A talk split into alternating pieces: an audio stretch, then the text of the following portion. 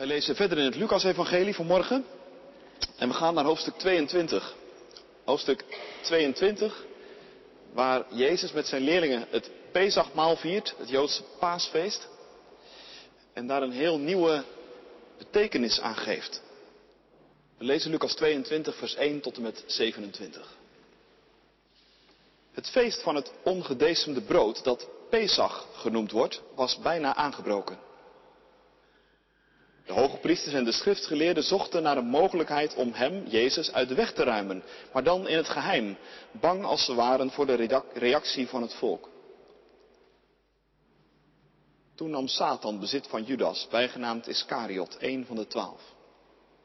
Hij ging naar de hoge priesters en tempelwachters en besprak met hen hoe hij Jezus aan hen zou kunnen uitleveren. Ze waren opgetogen en spraken af dat ze hem voor zijn diensten zouden betalen. Judas nam hun aanbod aan en zocht een gunstige gelegenheid om Jezus aan hen uit te leveren zonder dat het volk dat zou merken. De dag van het ongedecemde brood waarop het Pesach-lam geslacht moest worden, brak aan. En Jezus stuurde Petrus en Johannes op pad met de woorden, ga voor ons het Pesachmaal bereiden, zodat wij het kunnen eten. Ze vroegen hem, waar wilt u dat we het bereiden? Hij antwoordde, let op, wanneer jullie de stad ingegaan zijn, zal jullie een man tegemoet komen die een kruik water draagt. Volg hem naar het huis waar hij binnengaat en zeg tegen de heer van het huis, de meester vraagt u, waar is het gastenvertrek waar ik met mijn leerlingen het Pesachmaal kan eten? Hij zal jullie dan een grote bovenzaal wijzen die al is ingericht. Maak het daar klaar. Ze gingen op weg en alles gebeurde zoals hij gezegd had en ze bereidden het Pesachmaal. Toen het zover was, ging hij samen met de apostelen aanliggen voor de maaltijd. En hij zei tegen hen, ik heb er hevig naar verlangd om dit Pesachmaal met jullie te eten voor de tijd van mijn lijden aanbreekt. Want ik zeg jullie, ik zal geen Pesachmaal meer eten voordat het zijn vervulling heeft gevonden in het koninkrijk van God. Hij nam een beker, sprak het dankgebed uit en zei, neem deze beker en geef hem aan elkaar door. Want ik zeg jullie, vanaf nu zal ik niet meer drinken van de vrucht van de wijnstok tot het koninkrijk van God gekomen is. En hij nam een brood, sprak het dankgebed uit, brak het brood, deelde het uit en zei, dit is mijn lichaam dat voor jullie gegeven wordt. Doe dit telkens opnieuw om mij te gedenken. Zo nam hij na de maaltijd ook de beker en hij zei, deze beker die voor jullie wordt uitgegoten, is het nieuwe verbond dat door mijn bloed wordt gesloten. Maar weet wel dat degene die mij zal uitleveren samen met mij aan deze tafel aanligt. Want de mensen zo moet heen gaan zoals voor hem bepaald is. Maar wee de mens die hem zal uitleveren. Ze vroegen zich onder elkaar af wie van hen zoiets ooit zou kunnen doen. Toen ontstond er onder hen oneenigheid over de vraag wie van hen de belangrijkste was.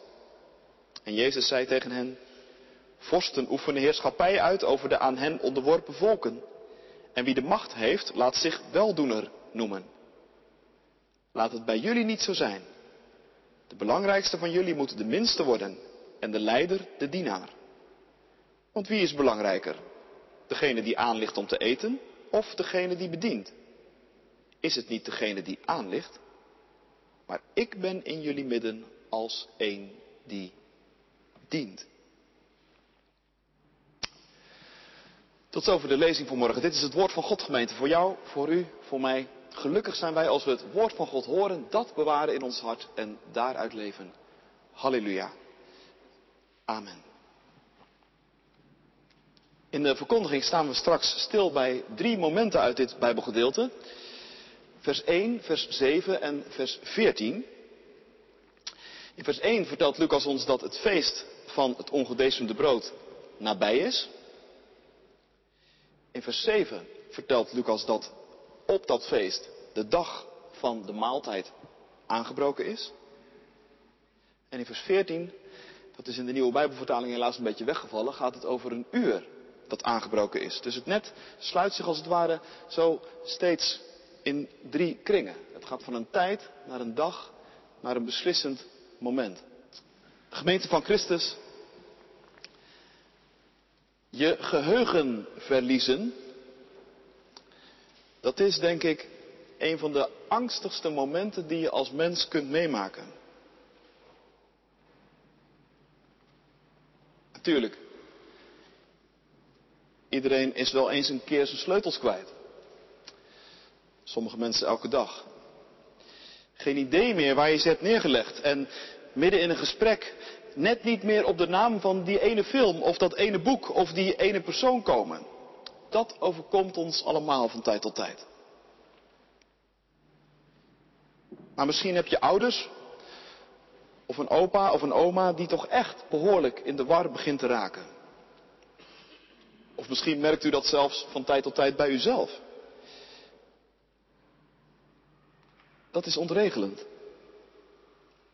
Pijnlijk en verdrietig om mee te maken. Je raakt je oriëntatie kwijt, weet niet meer goed waar je je bevindt. Je hebt geen overzicht meer over de ruimtes waar je bent. En je tijdsbesef gaat haperen. Dingen van vroeger komen terug alsof ze gisteren gebeurd zijn.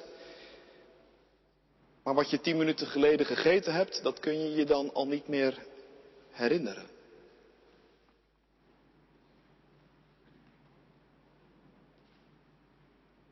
Vandaag vieren wij avondmaal. En avondmaal vieren, zo zou je kunnen zeggen, dat is een manier waarop Christus ons ons geheugen teruggeeft. Want er bestaat ook nog zoiets als een collectief geheugenverlies, waar wij allemaal bloot aan staan. Ongeacht je leeftijd en ook al functioneert je brein verder heel redelijk. Ik bedoel dit. Je kunt zomaar, zonder dat je het doorhebt, vergeten waar je ook alweer voor leefde. Je kunt de grote vragen, waar kom ik vandaan? Waar ga ik naartoe? Waarom ben ik hier? Wie is God en wat betekent Hij voor mij? En ga zo maar door. Je kunt die grote vragen heel gemakkelijk verwaarlozen. Dat herken je toch? En op een goed moment merken dat je je oriëntatie kwijt begint te raken. En dat je jezelf verliest in de ruimte en in de tijd.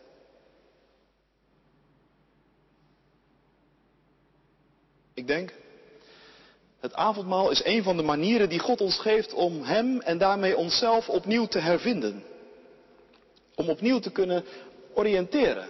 Met dat kompas, waar het net ook al over ging bij de kinderen. Houvast en richting vinden, dat is namelijk een opvallende trek aan de manier waarop Lucas ons vertelt over de manier waarop Jezus het laatste avondmaal instelt.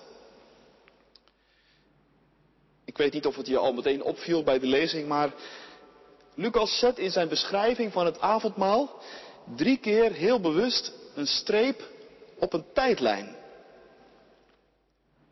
Hij heeft het over een feest dat nabij is, vers 1. Hij heeft het over een dag die komt, vers 7. En over een uur dat aanbreekt, vers 14. En zo ontstaan er in dit hoofdstuk als het ware drie blokjes van zeven versen, waarbij het net zich als het ware steeds nauwer sluit. Het feest dat Lucas bedoelt is het paasfeest. Dat duurde zeven dagen. En op een van die dagen tijdens dat paasfeest werd op een bepaald moment de paasmaaltijd gebruikt.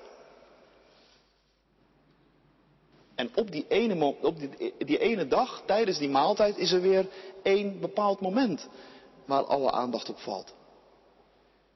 Een uur dat aanbreekt. Een beslissend moment dus. En daar gebeurt het. Daar stelt Jezus het avondmaal in.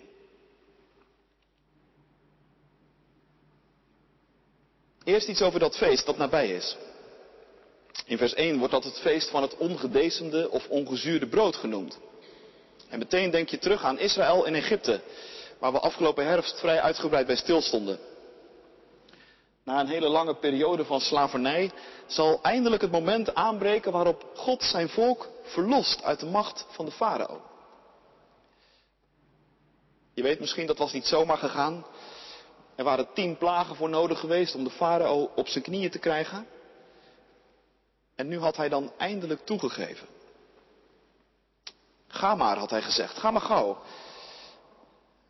En nog was er haast bij, want wie weet, hij kon zomaar ook weer op andere gedachten komen.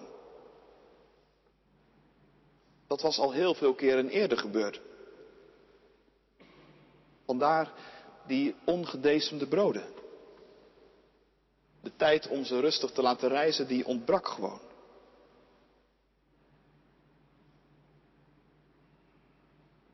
God had gezegd, dit feest moeten jullie blijven vieren. Want dit is het feest van jullie bevrijding. En dat had Israël gedaan. Jaar in jaar uit kwamen die ongezuurde broden weer op tafel.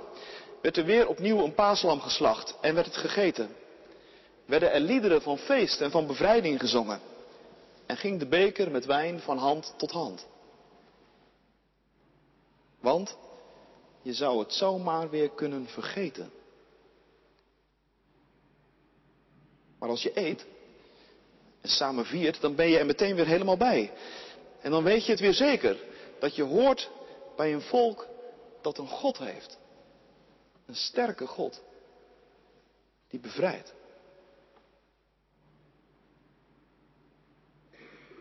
Dat is het feest dat nabij is in Lucas 22.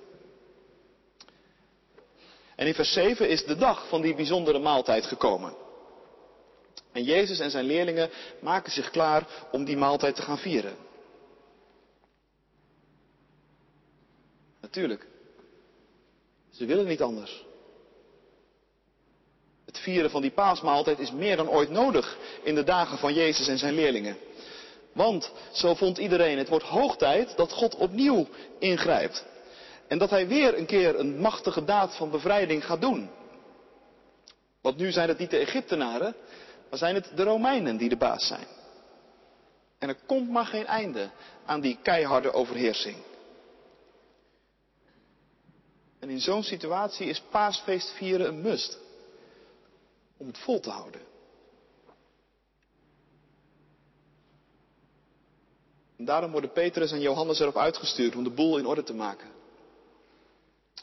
Ze moeten, een beetje merkwaardig, een man met een kruik water op zijn hoofd volgen. Naar het huis waar hij naartoe gaat. Dat is het teken. Dat zal de plek zijn waar ze moeten zijn. Vreemd teken, want mannen dragen doorgaans geen water. En zomaar een onbekend huis binnengaan, ook al typisch. Wat zal de eigenaar zeggen? Nou, zegt Jezus, maak je maar geen zorgen, hij weet ervan. Je hoeft alleen maar te vragen waar het vertrek is. Waar de meester met zijn leerlingen de paasmaaltijd kan vieren. En de zaal, oh ja, de zaal is ook al gereed.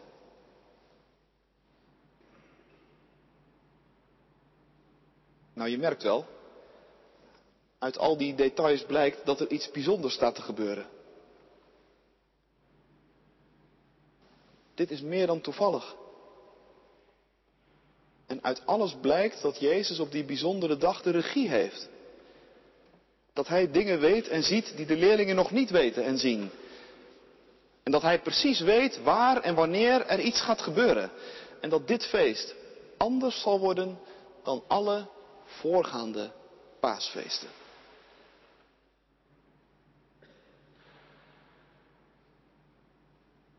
En dan zet Lucas een derde streepje op de tijdlijn. Vers 14. Het uur breekt aan, schrijft hij. Een beslissend moment. Wat gaat Jezus doen? De beker gaat rond. En het brood gaat rond, zoals altijd. Maar wacht. Wat hoor je daar? Wat, wat, wat zegt hij als hij het brood breekt? Dit is mijn lichaam dat voor jullie wordt gegeven. En bij de beker, dit is mijn bloed dat voor jullie wordt vergoten. Wat typisch. De leerlingen waren zo vertrouwd met deze maaltijd, maar deze woorden die kenden ze niet. Deze woorden worden nooit gezegd tijdens een paasmaaltijd. Wat is Jezus aan het doen?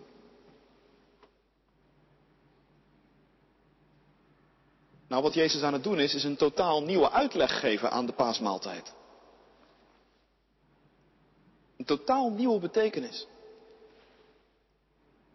Als je voortaan de paasmaaltijd viert, zegt hij, dan doe je dat tot mijn gedachtenis. Want ik ben jullie nieuwe paaslam. En mijn dood zal voor jullie een nieuwe uittocht zijn. Het zal een bevrijding betekenen voor, van alles wat je vasthoudt en bindt. Wat je klein houdt en bij de grond. Het zal een bevrijding zijn van de machten van de zonde en de dood. Doe het. Tot mijn gedachtenis.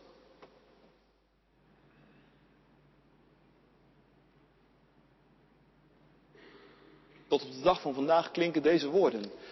Als een christelijke gemeente samenkomt en het brood breekt. Ook straks hier in deze kerk. En met dat we ze horen. En met dat we eten en drinken. Krijgen we van Christus ons geheugen terug. En prikt Hij ons als het ware opnieuw vast op zijn tijdlijn. En zegt Hij tegen ons, weet je het nou weer? Weet je het weer dat ik gekomen ben om je los te maken, om je te bevrijden? Weet je het weer waar je coördinaten liggen, je ankerpunten? Achter je, weet je wel? Je bent van mij. De machten van de zonde en van de dood, ze hebben geen recht meer op je. Je zou het haast vergeten. Want dag in dag uit is er heel veel in je leven dat dit evangelie wil ondersneeuwen of, of tegenspreekt. En mijn recht op jouw leven wordt voortdurend ter discussie gesteld. Maar juist daarom moet je komen. Juist daarom moet je avondmaal vieren.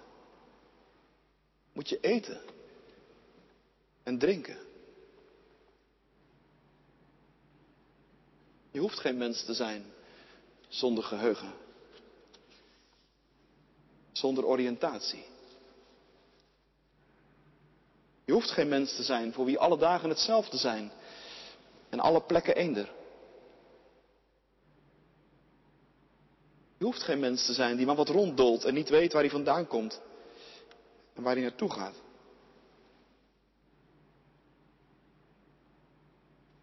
Want op Gods tijdlijn staat een beslissende streep. Of beter gezegd nog, twee strepen. In de vorm van een kruis. Sindsdien is de wereld niet meer hetzelfde. Kom daarom. Eet en drink. Alles staat gereed. Tot zijn gedachtenis. Amen.